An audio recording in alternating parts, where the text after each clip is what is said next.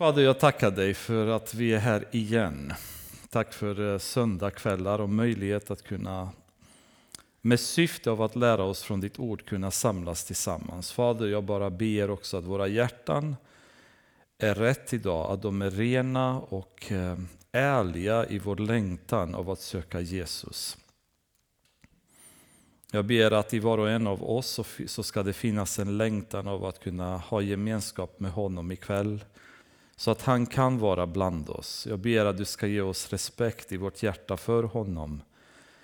Förståelse för allting som du vill lära oss genom din heliga Andens kraft och vishet. Och jag ber i Jesu namn att heliga Anden ska vara här mellan oss, i oss och undervisa oss ikväll Fader. Jag ber om ödmjukhet för mig och för alla andra som lyssnar. Så att våra hjärtan känns ödmjuka inför dig och beredda att ta ditt budskap. Fader, jag tackar dig för det djupa lärande som kommer från ditt ord. Allt om hur vi ska leva i våra familjer. Allt i hur vi ska leva som församling, hur vi ska uppträda gentemot andra människor. Men framförallt om vår relation med dig och vad du vill göra med oss. Din plan för våra liv, din längtan för oss och vad du vill att vi ska uppnå här i livet, Fader. Jag tackar dig för det. Jag ber att du ska ge oss uthållighet i vår relation med dig. I vårt eh, lopp som kristna, Herre, som vi springer här på jorden. Hjälp oss att kunna vara uthålliga och vara hela vägen in till slutet, så att vi inte ger upp. Ge oss styrka, Fader. Ge oss beslutsamhet. När det är så att känslorna inte finns med, så låt pannbenet driva oss vidare.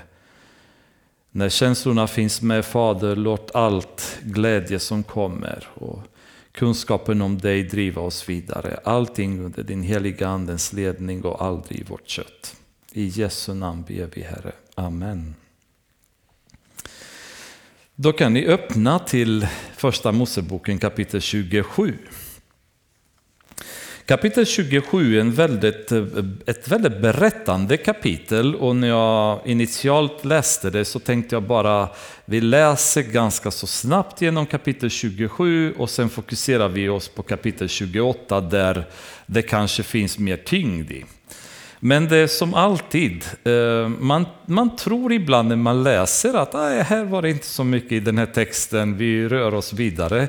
Och sen ju mer man börjar ta tid, ju mer man börjar meditera och studera i texten, desto mer känner man bara oj nej, vi kan inte bara springa till kapitel 28, det är så mycket i kapitel 27. Eh, så vi förhoppningsvis kan hinna gå igenom kapitel 27 ikväll utan att det blir en och en halv timmes bibelstudium. Men vi börjar läsa och vi läser en, en stor och lång bit, vilket vi sällan brukar göra, men vi läser första delen hela vägen till vers 29. När Isak hade blivit gammal och hans ögon var så svaga att han inte kunde se kallade han till sig sin äldste son Esau och sade till honom, min son, han svarade honom, jag är här. Då sade han, jag är gammal och vet inte när jag ska dö. Ta därför dina jaktredskap, ditt koger och din båge och gå ut i markerna och skjut något vilt åt mig. Laga sedan åt mig något gott som jag tycker om och bär in det till mig så att jag får äta och sen välsigna det innan jag dör. Rebecka hörde vad Isak sade till sin son Esau när Esau gick ut i markerna för att skjuta något vilt att ta hem. Sade Rebecka till sin son Jakob, lyssna, jag hörde din far säga till din bror Esau, skaffa något vilt och laga åt mig något gott som jag kan äta. Sedan ska jag välsigna dig inför Herren innan jag dör. Hör nu på mig min son och gör som jag säger. Gå till jorden och hämta två fina killingar så ska jag laga något gott av dem åt din far. Något som han tycker om. Den ska du bära in till din far så att han får äta den och sen välsigna dig innan han dör. Men Jakob sade till sin mor Rebecka, min bror Esau är ju hårig och jag är ju slät. Tänk om far rör vid mig, då blir jag en bedragare i hans ögon och drar förbannelse över mig istället för välsignelse. Men hans mor sade till honom, den förbannelsen får komma över mig, min son. Hör bara vad jag säger och gå och hämta killingarna åt mig. Då gick han och hämtade dem och tog dem till sin mor och hon lagade en god rätt som hans far tyckte om. Sedan tog Rebecka fram sin äldste sons Esaus högtidskläder som hon hade inne hos sig och satte dem på sin yngste son Jakob. Med skinnen från killingarna täckte hon över hans händer och den bara delen av hans hals. Sedan gav hon sin son Jakob den goda rätten och brödet som hon hade gjort i ordning. Han gick in till sin far och sade Far, han svarade, vad vill du? Vem är du min son? Jakob sade till sin far, jag är Esau, din förstfödde. Jag har gjort som du sade till mig, sätt dig upp och ät av mitt vilt så att du kan välsigna mig. Men Isak sade till sin son, hur kunde du finna det så snart min son? Han svarade, Herren din Gud sände dig i min väg. Då sade Jakob, Isak till Jakob, kom hit min son och låt mig få röra vid dig och känna om du är min son Esau eller inte. Jakob gick då fram till sin far Isak och han rörde vid honom och sade, rösten är Jakobs men händerna är Esaus. Han kände inte igen honom, för händerna var håriga som hans e- bror Esaus händer. Han tänkte nu välsigna honom, men så frågade han, är du verkligen min son Esau? Han svarade ja. Då sade han, bär hit maten min son, så att jag kan äta av viltet och välsigna dig. Jakob bar fram den till honom och han åt, och han räckte honom vin och han drack. Sedan sade hans svar Isak till honom, kom hit och kyss mig min son. När han då gick fram och kysste honom kände han lukten av hans kläder. Han välsignade honom och sade, doften av min son är som doften av en mark som Herren har välsignat. Gud ska ge dig himlens dag av jordens fruktbarhet, säd och vin i riklig mängd. Folk ska tjäna dig och folkslag falla ner för dig. Var en herre över dina bröder, din mors söner ska falla ner för dig. Förbannad är den som förbannar dig och välsignad den som välsignar dig. Så det är ju första delen av den här berättelsen. Eh, och om vi går lite tillbaka i tid så kommer ni ihåg att det nämndes tidigare att de här två föräldrarna hade sina favoriter bland sönerna. Isak favoriserade Esau därför att Esau var en mer manlig karaktär. Han var eh, tuffare, han var ute och jagade, Isak älskade viltkött. Det var lite spännande med, med Esau medan Rebecka var mer förtjust i Jakob som brukade hänga i tältet, som det, det sades då i, i versen. Och det var kanske inte manligaste sysslan man kunde ha då, men det kanske var någonting som Rebecka tyckte mest om. Eh, det kan också vara möjligt att Rebecka kände en viss tilldragelse för Jakob utifrån den profetia som hade, hon hade fått från Gud om att den yngre kommer att, kommer att styra över den äldre. Vi vet inte exakt anledningen, men uppenbarligen så var detta en, hade blivit en familj som var lite grann splittrad kan man säga i relationen mellan dem och sina barn. Ehm, det faktum att Esau hade tagit till sig hetitiska kvinnor som fruar var ingenting heller som eh, gjorde Rebecka överlycklig därför att eh, i vers 35 i tidigare kapitel står det att de här kvinnorna blev en hjärtesorg för Isak och för Rebecka och vi kommer se Rebecka upprepa samma sak i slutet av detta kapitel. Så Esaus beteende kanske var inte någonting som Rebecka heller var förtjust i. Och det som är intressant att se det är att eh, i den här familjen så uppenbarligen så kommer det ganska stora sprickor eller problem som vi ser komma upp i familjen. Eh, det börjar med att de favoriserar sina barn, vilket uppenbarligen man inte ska göra. Eh, sen eh, tillkommer det så att säga bedrägerier i familjen. Tidigare vet vi att Jakob lurade till sig förstfödslorätten från Esau i gengäld för att ge honom lite soppa när han var Ehm, väldigt hungrig. Esau i sin tur eh, kan man säga han han går hela vägen och gifter sig med kananeiska kvinnor som var ogudaktiga kvinnor. Eh, som också skapar problem för familjen. Det blir splittringar i familjen och bekymmer på grund av de här hetitiska kvinnorna.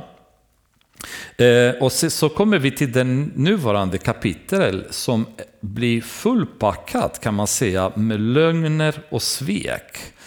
Ehm, och det är ju en, kan man säga, en familj som initialt började väldigt bra. Isak hade börjat um, genom att vara en väldigt lydig person. Ni kommer ihåg när Abraham vandrade med honom mot Moriaberget för att offra honom, att Isak följde lydigt hela vägen. Han var ju i 30-årsåldern, han kunde ha sagt nej, han kunde ha vägrat att vara med. Ändå så gjorde han det. Han var en lydig person. Han gick med på att få en fru som, eh, eh, som var så att säga av rätt virke och väntade länge tills han fick en fru från Haran, då från hans släktingar. Eh, och den frun, Rebecka, som han fick gifte han sig med och älskade henne. Och ni kommer ihåg den här starka termen, och han älskade henne. Så det blev en god, en kärleksfull relation med dem. Senare i kapitel 25 så ser vi att de också hade ett böneliv med varandra. När Rebecka hade svårigheter att få barn, Isak bad för henne då för att det ska gå bra för henne. Så det, det var en väldigt god relation som de hade initialt. Det var en bra eh, och, och trevlig miljö, familjemiljö. Men med åren har detta blivit sämre och sämre. Ehm, och vi befinner oss nu i ett läge där Isak dessutom är på väg att begå ett väldigt stort misstag.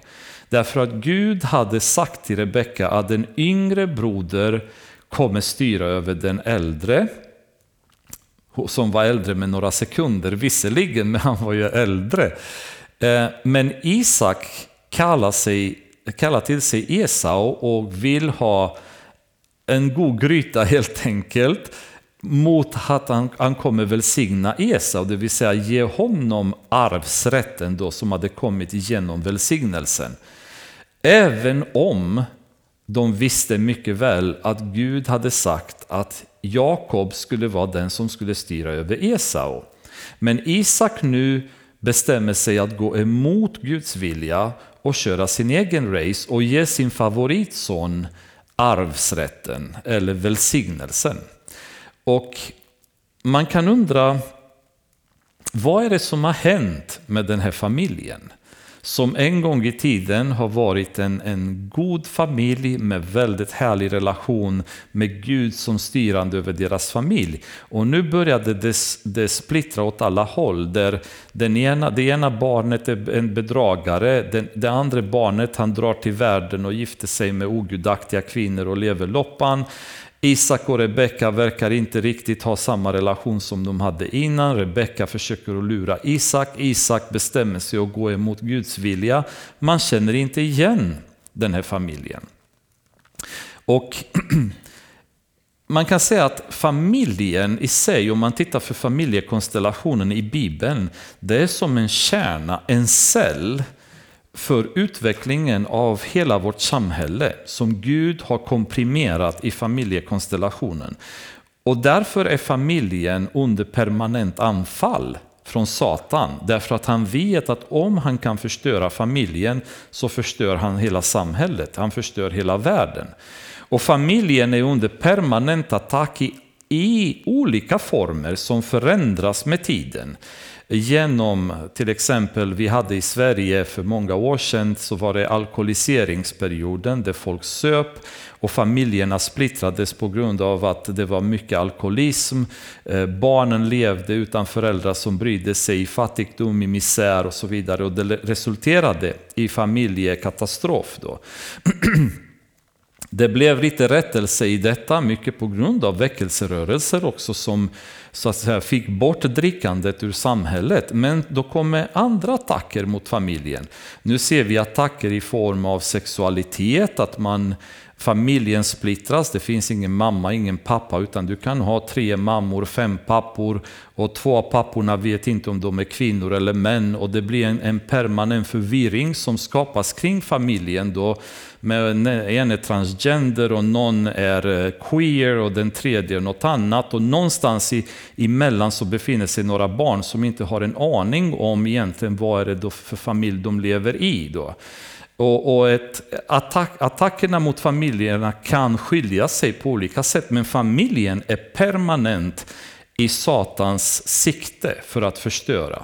Och man kan väl säga att familjen i sig, i sitt koncept som Gud har tänkt sig från början, från skapelsen, det vill säga en man och en kvinna blir ett kött och sen föds barn och de barnen lever enligt Guds vilja under styrande av deras föräldrar som ligger under Guds styrande. Det är den bilden som förmedlas sen vidare även utav Jesus och, och Paulus bland annat i Efesierbrevet när vi går i relationen mellan man, kvinna och barn och hur man ska ha sin relation gentemot Gud som familj. Så man, familjen kan man säga det är som ett mästerverk som Gud har skapat. Men när man tar Gud är ur ekvationen, då är familjen inte ett mästerverk längre, utan det är bara ett verk. Man har tagit bort mästaren ur familjen, så blir familjen bara ett verk och i värsta fall en stor huvudvärk till och med. När Gud försvinner. Så länge Gud finns med i detta, då har vi ett mästerverk. Då är familjen en oas av, av så att säga, andlighet. Där vi kan växa, våra barn kan växa, där hälsa finns, både fysiskt och psykiskt och andligt. Men tar man Gud ur familjen och börjar relationen med Gud splittras, då blir det resultat i familjen, saker och ting börjar gå dåligt. Och även i kristna sammanhang tyvärr så ser vi att familjerna är under hårt attack. Om skilsmässor fanns inte på kartan i den tidigare så att säga, kristna församlingen så blir de mer och mer vanliga idag. Det, det är inte så märkvärdigt att kristna skiljer sig. Ehm, fast tidigare så var det en absolut nej. Ehm, Gud säger i Malaki att han hatar skilsmässa, ändå så finns det kristna som skiljer sig. Och det finns olika former och diskussioner kring varför och så vidare. Men i grunden gör man det därför att familjen är under attack. Och Satan försöker att splittra det.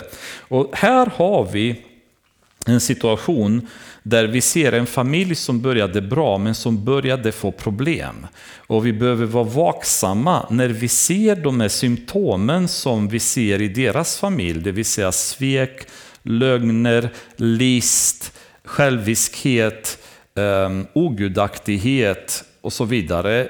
Att det kan vara tecken även för oss att vår familj kan få problem om de här tecknen tillåts att utvecklas i våra liv så kan vi riskera att få problem. Och vi är inte skonade.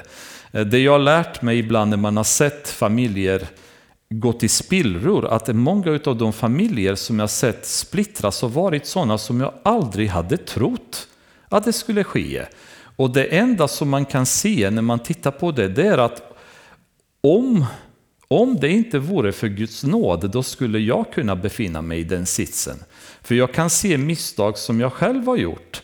Um, saker som jag själv har gjort fel, men tack och lov så har Gud skonat oss från att hamna i den sitsen.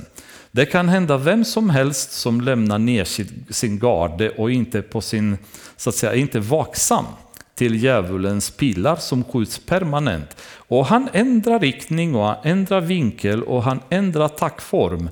Men syftet är detsamma och det är att förstöra familjen. Ni kommer ihåg Gudrun Schyman för ett antal år sedan som sa att eh, att eh, största problemet vi har i vårt samhälle det är kärnfamiljen och det måste förstöras. Då. Och det, var inte, det kunde inte ha sagts bättre egentligen, vad egentligen Satan är ute efter. Att förstöra kärnfamiljen, därför att det är hotet för honom. Starka familjer som lever under Guds ledning är det som en en fort som Satan inte kan inta. Han kan inte besegra. Så han måste splittra de familjerna för att han ska kunna komma in i dem och via dem sen in i församlingar. Har man fått en församling med splittrande familjer då kommer den församlingen haverera på sikt också. Och det, det är intressant att se en familj, en av de stora patriarkerna, då Isak, men att se hur situationen blir sämre och sämre. Och han bestämmer sig helt enkelt att gå emot Guds vilja och välsigna Esau.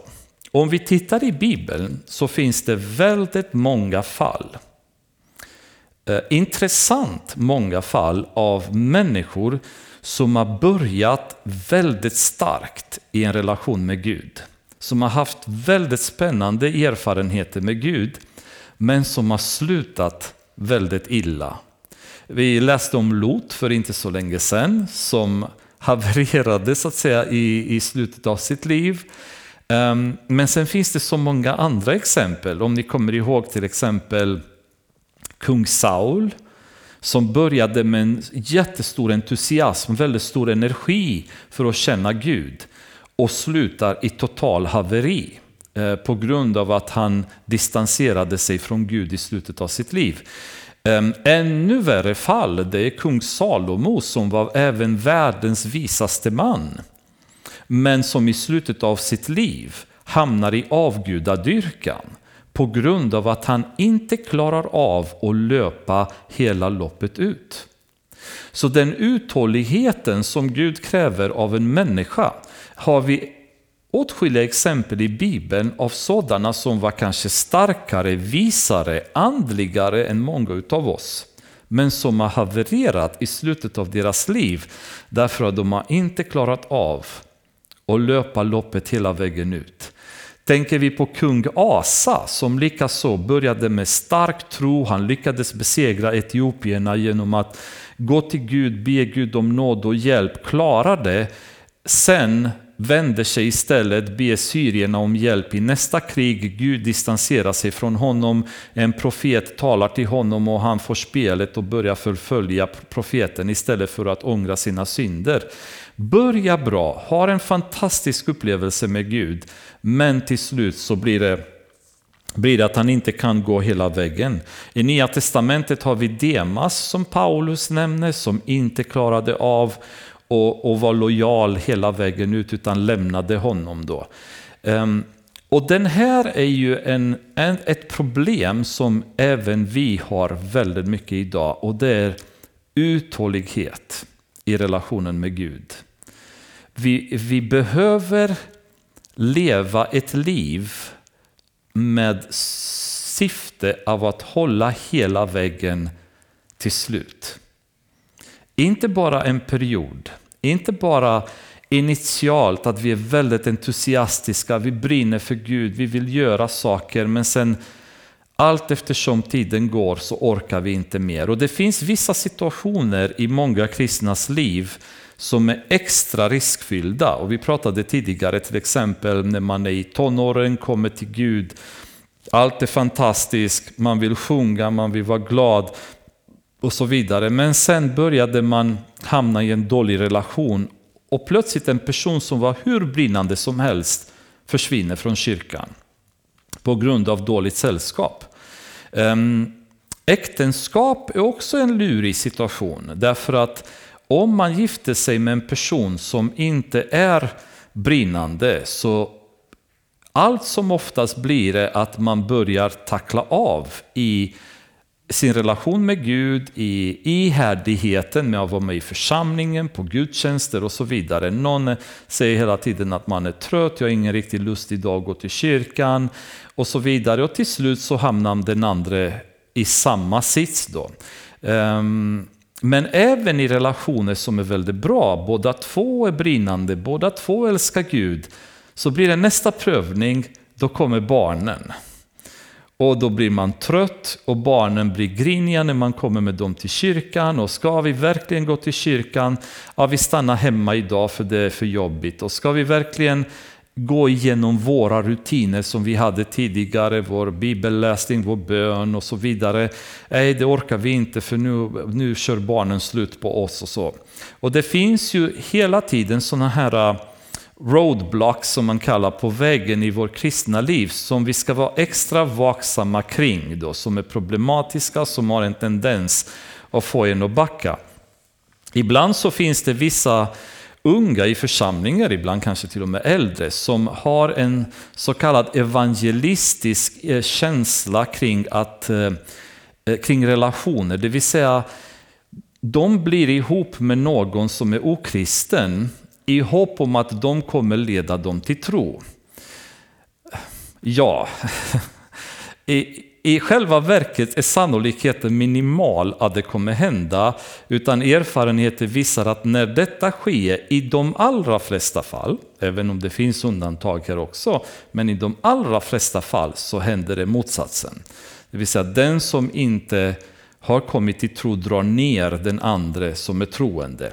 I de fall det har gått tvärtom, då ska man säga, då ska man prisa Gud och tacka honom jättemycket, därför att det är oerhört svårt. Och då har den personen verkligen stått hårt på barrikaden och fått mycket hjälp av Herren.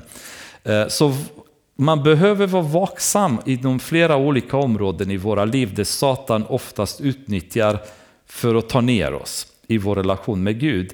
Och då orkar vi inte löpa hela vägen ut. Ni kommer ihåg Gideon, hans start, eh, vilken häftig upplevelse han hade med Gud när han fick tilltal från Gud, han fick bekräftat med pälsen som han la ut i gräset och en gång var det torrt, en gång var det blött och bara sen kommer han samla ihop arméerna och så, så spöar de medianiterna med 300 man mot en armé som sa det var som gräshoppor över, över fälten. Ett Guds mirakel som de får uppleva, men i slutet av hans liv så faller Gideon. Efter alla dessa häftiga upplevelser med Gud så man kan säga att, att vara med en, om en häftig väckelse, att vara med om häftiga upplevelser i våra liv, det är ingen garanti att vi kommer löpa hela löpet, eh, löpet ut, utan vi kan fortfarande falla på väggen. Vi kan fortfarande trilla längre fram om vi inte är uthålliga. Vi behöver vara medvetna om att det kommer den där tiden i våra liv när känslorna kommer leda oss fel. Vi behöver gå emot våra känslor. Jakob befinner sig i en situation just nu där hans favoritson ska få välsignelsen. Han tycker om den maten han lagar dessutom och han känner sig gammal och känner bara, jag vet inte, jag kanske dör imorgon till och med, för jag ser inte och det är usligt med mig. Och jag tänker ändå liksom välsigna dig Esau, gå och fixa den här maten som jag gillar. Så jag ska tillfredsställa mitt kött med din, din gryta och sen välsignar jag dig. Eh, ganska så, eh, så konstigt sätt att tänka med tanke återigen på vad Gud hade sagt. Och inte bara det, men det är bara en känsla. För märkligt nog så kommer Jakob, äh, Isak leva ungefär 40 år till efter den här händelsen. Så han tycker att jag kommer dö imorgon, det är lika bra att jag, jag fixar det här. Det vill säga, vi påskyndar det som Gud egentligen ska göra i sin tid. För nu tycker jag att eh, det går illa för mig, jag måste välsigna dig. Och det är helt felaktigt beslut. Och eh, om vi tänker på oss själva, i, i början när vi hade vår första kärlek med Gud, ni kanske kommer ihåg tiderna, eh, Bibeln var alltid i våra händer, man kunde sitta timtals och läsa Bibeln, man kunde be jättemycket, men det enda man ville prata om det var om Jesus, man ville träffa kristna kompisar, man ville hänga med dem och, och, och så var det bara, allt var bara Jesus. Och sen plötsligt så, så försvinner detta. Um, bara om man tänker här i församlingen, um, dels jag kom hit 1996 och jag kommer ihåg då hur församlingen var, hur många gudstjänster vi hade. Vi hade gudstjänst på förmiddag, vi hade gudstjänst på kvällen, vi hade kör, vi hade sångarbröderna. Eh, det var, det var på något sätt en full aktivitet, det var väldigt mycket liv i kyrkan. Väldigt mycket av det vi gjorde var kring församlingen.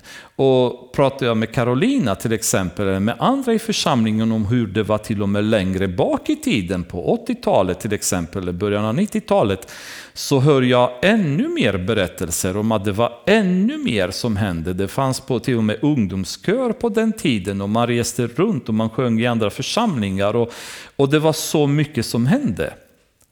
Vad är det som har hänt på väggen? Vart tog den här längtan efter att känna Gud vägen? Vad är det som har hänt i våra liv som har gjort att plötsligt har vi lagt ner vår önskan av att känna Gud, vår längtan av att komma till kyrkan, vår längtan av att delta i gudstjänst, vår längtan av att få vara med varandra. Någonstans på vägen har vår uthållighet försvunnit. Vi har inte orkat att pressa vidare. Och dessa livs bekymmer har börjat ta över. Ehm, längtan efter andra saker, längtan efter eh, världsliga saker, eller trötthet eller orkeslöshet. Eller att vi har börjat lyssna på viskningar som vi inte skulle ha lyssnat på. Om vi tar och läser första Korintierbrevet kapitel 9 det är ju den klassiska delen där Paulus beskriver eh, detta lopp då som vi behöver löpa.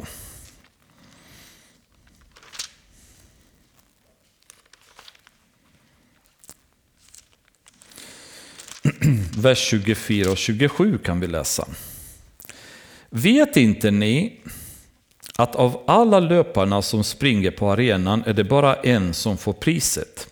Spring så att ni vinner det. Alla som tävlar måste ha disciplin i allt de gör för att vinna en segerkrans som vissnar, vi för att vinna en som aldrig vissnar. Jag springer alltså inte utan att ha målet i sikte. Jag boxas inte likt den som slår i tomma luften. Istället är jag hård mot min kropp och tvingar den till lydnad för att inte själv komma till korta när jag predikar för andra. Vad Paulus säger att om vi inte varar, eller om vi inte orkar hela vägen till slutet, då finns det inget pris. Den som ger upp halvvägs, den som ger upp någonstans innan loppet är slut, den får ingen pris. För att kunna få ett pris så måste vi löpa hela vägen ut tills loppet är slut. Men på något sätt så har vi fått för oss att, att det är okej okay i vårt kristna liv att vi bara vi löper lite grann och sen stannar vi till. Eh, när vi känner för det så tar vi några steg och några löpsteg och sen struntar vi och så tar vi det lugnt ett tag igen. När Paulus säger det är inte så det funkar. Ni måste ta er in i slutet. Ni kan inte ge upp halvvägs, ni kan inte ge upp närmaste slutet. Och jag, jag gav er ett, ett, en annan gång ett exempel om att om man tänker att ett skepp kommer gå under några kilometer utanför land och når, alla hoppar upp i vattnet för att simma i land Eh, och några är jättedåliga simmare och de kommer drunkna efter första 20 metrarna. Några lyckas ta sig 50 meter, några lyckas ta sig 500 meter och några lyckas ta sig 999 meter. Men en meter från land så drunknar de också. Det spelar ingen roll. Alla har dött. Alla har drunknat. Sen om du har drunknat första 10 metrarna, 50 metrarna, 500 eller 900, det har ingen som helst betydelse. Ingen har kommit i land. Och har vi inte kommit i land, då har vi förlorat loppet. Det finns inget pris att få om vi inte tar oss i land.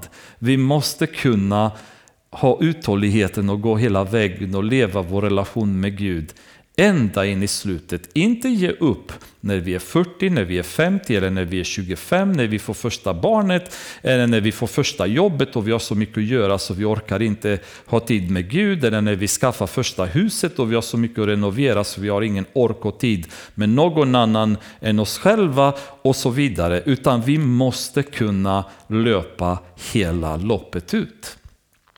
I Galatierbrevet Eh, kapitel 4 så beskriver Paulus att kärleken eller entusiasmen och, och på något sätt attityden som galaterna hade, det var så underbart, det var så härligt i början så han beskriver att ni kunde ha ryckt ut era ögon om ni hade kunnat och ge dem till mig. Han hade kommit till de sjuk, han var svag och förmodligen var de så kärleksfulla och de var så ivriga i sin relation med Gud. De kunde ha offrat sina egna ögon för Paulus skull. Så såg det ut i församlingarna i Galatieområdet på den tiden när han kom till dem. Men senare i kapitel 1, vers 6 i Galatiebrevet säger Paulus, jag är förvånad att ni så fort överger honom som har kallat er genom Kristi nåd. Så från att ha varit så entusiastiska, från att ha varit så engagerade, plötsligt så säger han, jag är så förvånad att ni så fort har gett upp. Vad är det som har hänt? Vad är det som har lett till att ni plötsligt ger upp, att ni inte orkar fortsätta att springa? Och vidare i kapitel 5, vers 7 så säger han, ni började bra. Vem hindrade er så att ni inte lyder sanningen? Vad är det som har hänt i våra liv som har gjort att vi inte längre vill löpa med Jesus? Vi inte längre vill känna Jesus. Vi inte längre längtar efter Jesus. Vi inte längre älskar varandra. Vi inte längre bryr oss om varandra. Vi inte längre har hjärtat pulserande för honom, utan det är så mycket annat som har tagit över våra liv. Vad är det som har hänt? Då kan man ställa frågan precis som Paulus. Vem hindrar oss så att vi inte längre lyder sanningen? Om vi tittar tillbaka till våra liv kan vi se vilka tillfällen eller vilka ögonblick i våra liv som det här har inträffat. Vad har vi gjort? När har vi gjort saker som har gjort att vi har avvikit från den raka väggen som vi en gång var på. Att vi har stannat av eller har vi börjat vandra åt ett annat håll? Var är de här tillfällena i våra liv och vad är det vi har gjort vid de tillfällena som har resulterat i att från att lyda Gud och var beredda att offras för honom, som Isak på, på berget Moria, så kommer vi till en punkt där vi går in i köttet och börjar bestämma saker emot Guds vilja och vänder oss emot honom istället genom vårt sätt att leva och tänka och agera. Vad är det som har hänt i våra liv?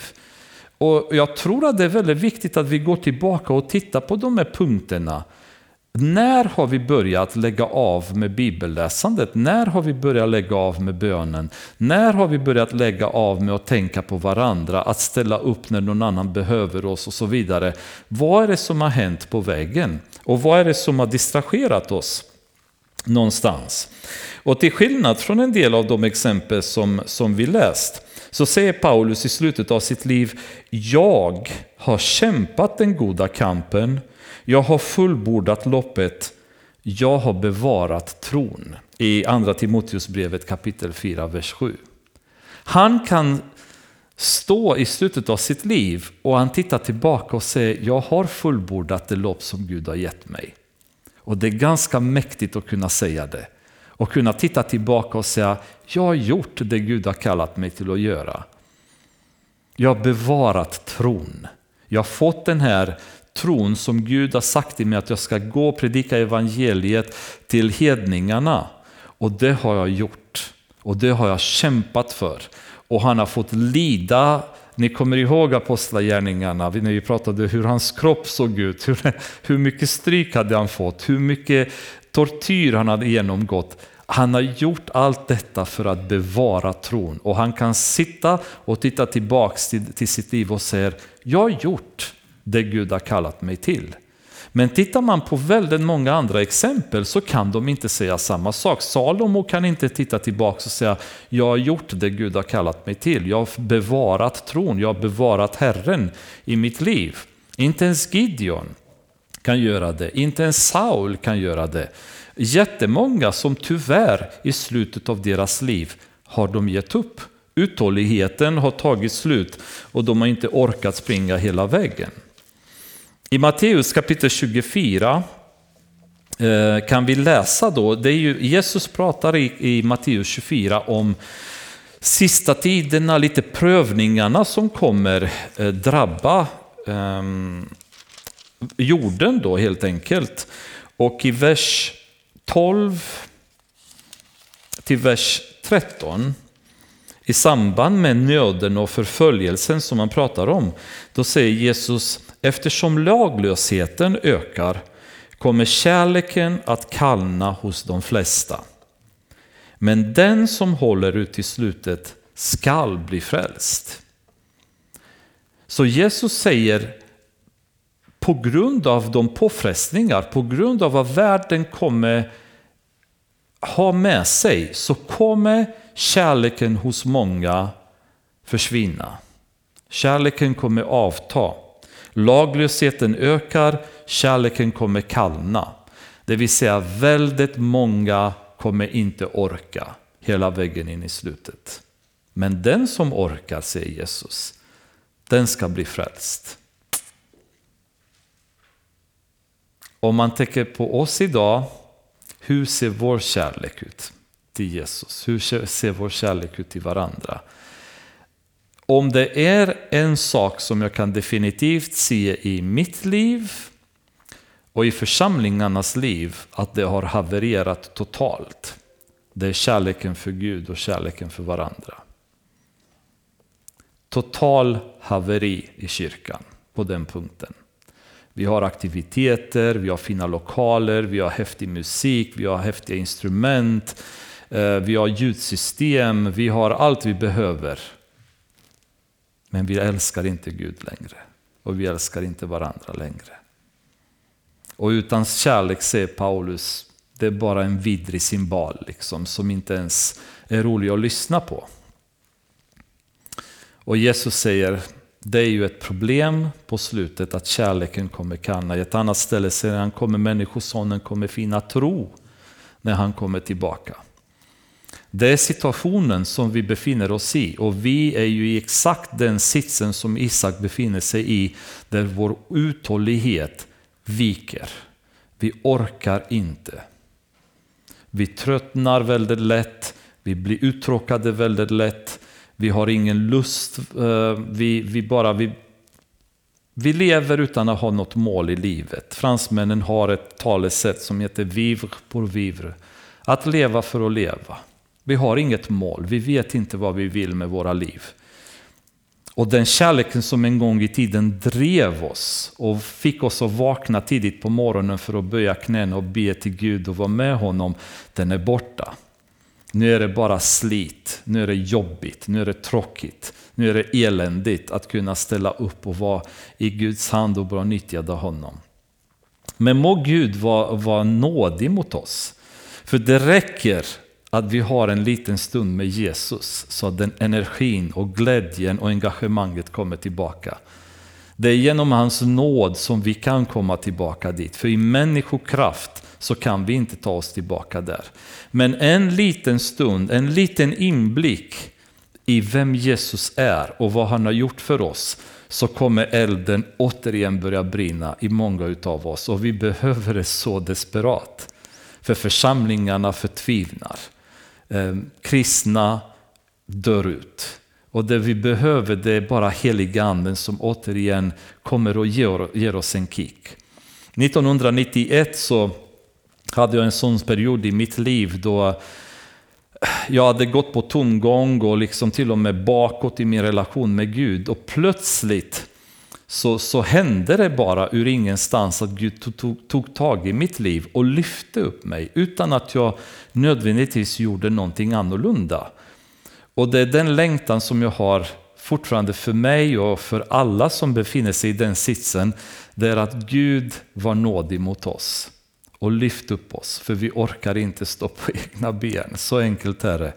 Och vi behöver be till Gud så att han återigen tänder den här elden. För det vet vi att han vill. Det är ingen bön som vi behöver ens säga, Gud om det är din vilja så ska du tända elden, utan det är bara att be för att Gud vill att vi ska brinna för honom. Han vill att vi ska älska honom. Han vill ha den här gemenskapen med honom som han hade med Adam och Eva när han gick i brisen, i kvällsbrisen och pratade med dem. Det längtar han efter. Det är ingenting som vi behöver be honom för många gånger om för att det ska hända heller, tror jag inte. Utan det kommer att hända om vi ber. Och jag bara ber för vår församling och det är min längtan att se detta bland oss. Bara se den här uh, liksom glädjen att komma till Gud. Vi vill vara här, vi vill vara med varandra, vi vill vara tillsammans. Och inte göra saker i köttet emot Guds vilja. Utan att vi är helt och hållet i hans vilja istället. Ehm, I Uppenbarelseboken Kapitel 2 kan vi vända. Och där vi, ni vet att det är Jesus som eh, pratar om de olika breven till änglarna i församlingarna där. Och i kapitel 2, i vers 3 och 4, så pratar han med eh, ängeln i församlingen i Efesos. Och då säger Jesus så här, ja, du är uthållig så den här församlingen har bevisat uthållighet. Det var häftigt. De, de var uthålliga. Och du har uthärdat mycket för mitt namns skull, utan att tröttna. Wow, det är till stor skillnad från många av oss. Men jag har en sak emot dig, att du har övergett din första kärlek. Trots uthålligheten, Trots att de har uthärdat väldigt mycket så har kärleken försvunnit. Och Jesus säger, det här har jag emot dig. För utan kärlek, vad är det? Om jag inte älskar Jesus, om jag inte lever med honom, om jag inte längtar efter honom, vad är poängen i så fall? Om jag inte har kärlek. Kom därför ihåg, vers 5, varifrån du har fallit och vänd om och gör dina första gärningar. Annars om du inte vänder om kommer jag till dig och flyttar din ljusstake från dess plats, det vill säga flytta min närvaro från dig. Så vad Jesus säger är, titta tillbaka till ditt liv och vänd om och gå tillbaka till den punkten där du har tappat din första kärlek. Till den punkten där du har låtit kärleken för pengar, kärleken för världen, kärleken för makt, kärleken för underhållning ta över ditt liv, kärleken för dig själv. Gå tillbaka till den punkten, eller de punkterna och ersätt dem där med kärleken för mig igen. För gör du inte det så kommer jag förflytta min närvaro från er. Och tror inte ni att det är en av de stora anledningarna till att vi inte ser väckelse i våra församlingar idag? Att Jesus är på väg eller har redan flyttat sin ljusstake från våra församlingar. Att vi inte samlas i hans namn längre utan vi samlas för att vi ska köra vår egen race, så att vi ska underhålla oss själva, så att vi kör våra verksamheter. Vi samlas inte i hans namn längre. Vi har inte kärleken för honom som driver oss hit. Och han flyttar sin närvaro ifrån oss. För enda gång han lovar att han är bland oss, det är om två eller tre samlas i hans namn om syftet att samla sig honom, för att känna honom, för att prisa honom, för att vara med honom, då är han bland oss. Men om kärleken inte finns, då vill han inte vara här. Och vi behöver gå tillbaka till den punkt där kärleken har försvunnit och kärleken har torkat ut Och det är ju i den situationen vi befinner oss nu, så att säga. Isak är i, i en punkt i sitt liv då han går in i köttet kan man väl säga och går emot Guds vilja. Jakob och Rebecka bestämmer sig att lura Isak och lyckats att lura honom. De visste att Jakob skulle bli välsignad av Gud. Jakob skulle vara den som skulle regera över Esau. Men de är inte beredda att vänta på att Gud ska utföra detta i hans timing. Utan de går in i köttet, de går med bedrägeri och lurendrejeri för att uppfylla Guds vilja. Det som hände är att de lyckas med det. Jakob blir välsignad. Men ni kommer ihåg när vi hade bland annat studierna i Daniel, när vi pratade om att ett, ett liv som vi kompromissar i kommer alltid ha um, ett resultat till slut av den kompromissen. Vi kommer behöva lida på grund av det. Och Jakob kommer bli välsignad, men ännu mer tragedi kommer inträffa i familjen framöver på grund av det. Men i vers 30, när Isak hade gett Jakob sin välsignelse och Jakob just hade gått ut från honom, kom hans bror Esau hem från jakten. Också han lagade en god rätt och bar in den till sin far och sade nu kan far sätta sig upp och äta av sin sons vilt och sedan välsigna honom. Hans far Isak frågade honom, Vem är du? Han svarade, Jag är Esau, din förstfödde. Då blev Isak mycket förskräckt och sade, Vem var då jägaren som kom med sitt vilt till mig? Jag åt av allt innan du kom och jag välsignade honom. Välsignad kommer han också att bli. När Esau hörde vad hans far sade ropade han högt och bittert. Far, välsigna mig också. Men han svarade, din bror kom med svek och tog din välsignelse.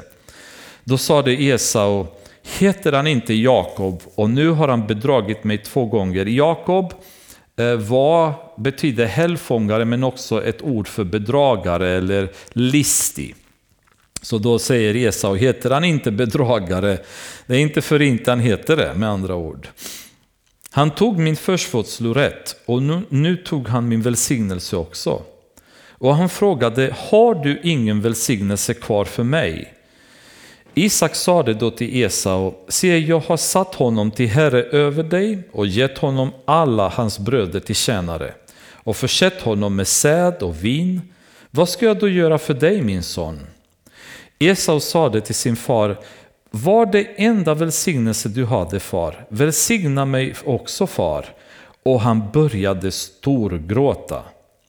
Då svarade hans far Isak honom, se fjärran från jordens fruktbarhet ska din boning vara och utan dag från himlen därovan. Av ditt svärd ska du leva och din bror ska du tjäna, men när du blir rastlös ska du slita hans ok från din nacke.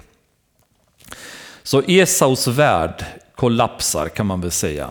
Han förstår att jag, förstör, jag för, eh, förlorat min förstfödslorätt och nu har jag förlorat arvet också.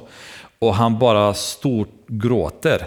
Men han storgråter inte med en omvändelsegråt. Att han vill omvända sig från det sättet han levde till att bättra sig. Utan det är ett bittert eh, och hatfullt och Ehm, besviken gråt kan man väl säga. För i Hebreerbrevet kapitel 12, vi läste också förra gången om det, att det beskrivs hur Esau valde att leva i sexuell omoral. Vi ska inte leva som honom. Han hade ingen ånger över det sättet han levde, utan han var bara besviken, han var arg över att han hade förlorat sitt arv. Men han hade inget intresse att leva ett liv som skulle berättiga honom till detta.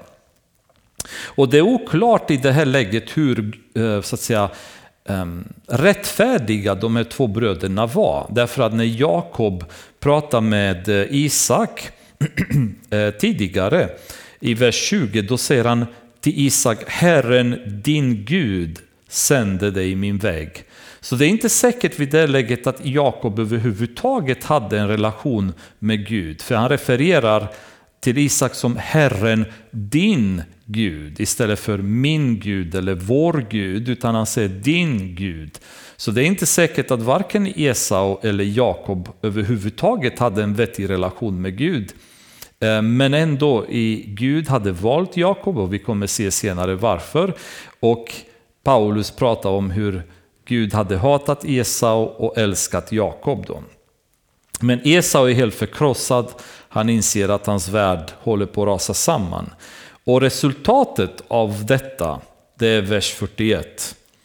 Esau fylldes av hat mot Jakob på grund av välsignelsen som hans far hade gett Jakob. Han sade till sig själv, snart kommer tiden då vi ska sörja vår far, då ska jag döda min bror Jakob. Och där har vi praktexempel på vad Jesus säger att den som hatar sin bror, det är som att man redan mördat honom. Det börjar med en tanke som är hatisk och från det så kommer det utvecklas till mord. Så han kunde ha erkänt sina egna synder, han kunde ha omvänt sig från sin, sitt sätt att leva, men han valde istället att hata sin bror och sen planerar att mörda honom så fort Isak är ute ur spelet. När det berättades för Rebecka vad hennes äldre son Esau hade sagt skickade hon efter sin yngre son Jakob och sade till honom Din bror Esau tänker hämnas på dig och döda dig. Så lyssna nu min son på mig, fly till min bror Laban i Haran och stanna hos honom en tid tills din brors vrede har lagt sig. När din bror inte är arg på dig längre och han har glömt vad du gjort mot honom, då ska jag skicka bud och hämta dig därifrån. Varför skulle jag mista er båda på en och samma dag?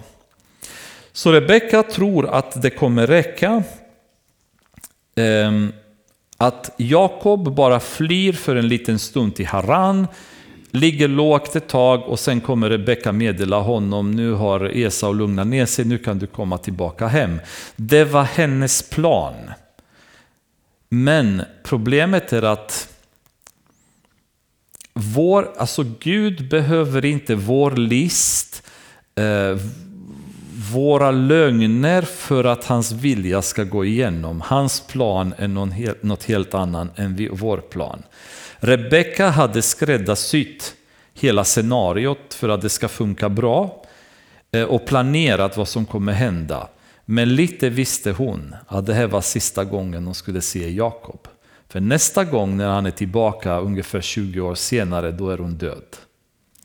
En tragedi som sker på grund av att de har, de har så att säga, lurat Isak. På grund av att de har försökt med egna medel att uppfylla Guds vision och Guds plan för deras liv. Och det kommer kosta dem. Jakob är fortfarande välsignad av Gud. Jakob är fortfarande älskad av Gud. Jakob kommer bli fortfarande den tredje stora patriarken och en av de viktigaste pelarna i eh, så att säga, linjen för Messias födelse och fortfarande en av de stora profilerna i hela Israels historia. Men det börjar väldigt, väldigt dåligt. Och det börjar med lidande och det börjar med mycket smärta som de kunde ha sluppit om de inte hade gått emot Gud, om de inte hade försökt med mänskliga medel att uppfylla Guds plan. Utan de kunde ha väntat på att Gud skulle göra saker rätt så som han hade bestämt. Sedan sade Rebecka till Isak, jag är trött på livet på grund av de hetitiska kvinnorna.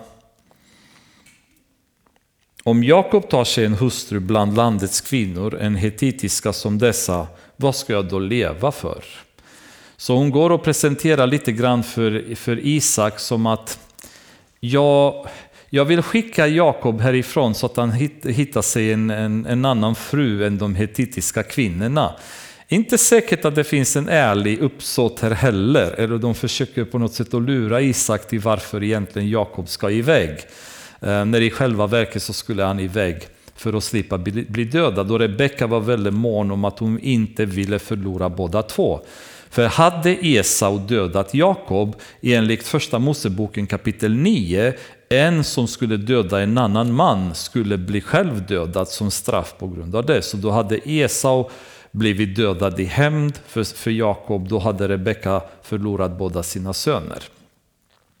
Men det slutar med att um, ja, Jakob i princip behöver fly huset. Och nästa gång så kommer vi gå vidare och se hur hans flykt gått tillväga.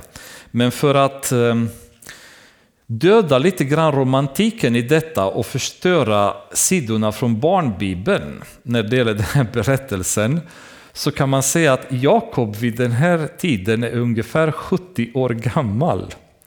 Ni kommer ihåg barnens bibel när Jakob visas som en ung man som flyr och så vidare. Han är cirka 70 år vid det laget då. Så han är en gammal man som äntligen är dags för honom att flytta hemifrån kan man väl säga. På ett ganska dramatiskt sätt som man inte hade räknat med. Men detta kommer vi titta i nästa gång. Fader, vi tackar dig för de exempel som du har lagt i ditt ord och jag bara ber att de här orden inte ska vara tomma från dig utan de ska gå rakt in i våra hjärtan och börja skapa förändring. Du ser att det finns en längtan hos oss över att komma tillbaka till en stark relation med dig där kärleken för dig präglar allt vi gör. Det finns så mycket värld som förorenar i våra tankar och vårt beteende, vårt sätt att uppträda mot varandra och även mot dig Herre. Många gånger så är vi respektlösa i det sätt som vi bemöter dig, hur vi uppträder gentemot dig, vilket tyder Fader på att vi inte känner dig ordentligt. Jag ber att du ska ödmjuka våra hjärtan Herre till den punkt där din majestät blir synlig och vi aldrig blir synliga själva Herre. Men jag också ber så mycket så att vår, vårt hjärta börjar pulsera för dig på nytt. Den känslan då vi längtar att få vara med dig, då vi drar oss undan från världsliga saker för att kunna spendera tid med dig. Där ordet är bara levande, där varje vers vi läser talar till oss Herre och går rakt in i våra hjärtan. Men jag ber också Fader att du ger oss styrka att leva ut det vi lär oss i ditt ord. Allt som oftast så tänker vi på saker, vi skulle vilja uppnå saker, vi skulle vilja göra rätt. Men köttet är för starkt, det tar över anden och det, det förstör för oss. Herre. Jag ber att du ska ge oss heliga andens kraft i våra liv som kommer, Fader, utan att vi kan kontrollera honom, utan han fyller oss och han gör som han vill och han har förmågan att kunna ta över vårt kött, Herre. Och vi behöver det desperat, både i våra individuella liv men också i församlingen, Herre. Så att vi ser att det som händer är lätt utav din heliga Ande, Fader. Så att vi ser din heliga Andes eld brinna på nytt i våra hjärtan och i våra lokaler, Herre, där vi samlas. Och låt människor som inte känner dig komma till tro och bli förändrade. I Jesu namn ber vi. Amen.